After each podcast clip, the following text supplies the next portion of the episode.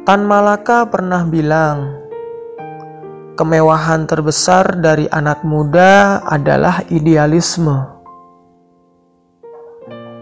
Tanpa idealisme, anak muda bukanlah apa-apa. Anak muda bukanlah siapa-siapa. Rindu dan rasa cinta pun harus memiliki idealisme. Tidak boleh asal-asalan, apalagi sembarang tanpa berpikir panjang. Rindu harus memiliki idealisme, dibumbui kata-kata puitis, berjalan sesuai ritme, berlatar belakang humanisme.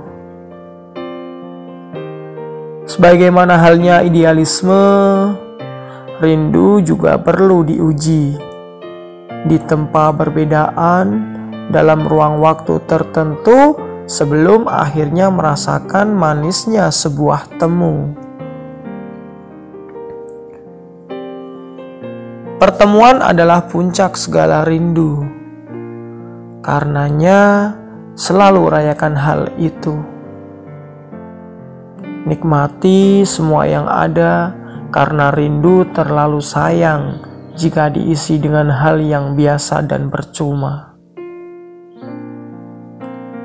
Aku pernah rindu, kamu pun pernah rindu.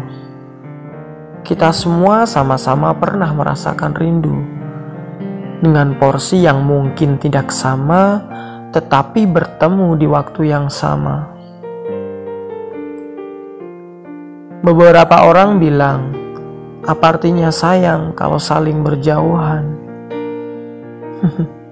Mungkin kasta sayang orang itu tidak sama dengan kita.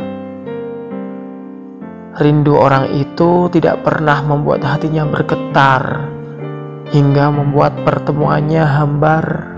Akibatnya sering nyinyir pada orang. Kita bukan seperti itu. Kita adalah sepasang yang indah, yang punya idealisme, punya romantisme hidup yang membuat semangat kian meletup.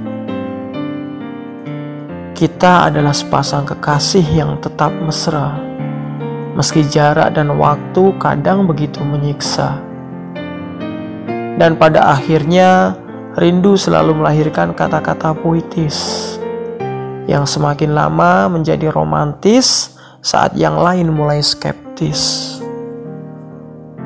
Berbahagialah mereka yang setiap hari bertemu tanpa rasa rindu, dan berbahagialah kita yang masih punya rindu sebelum bertemu.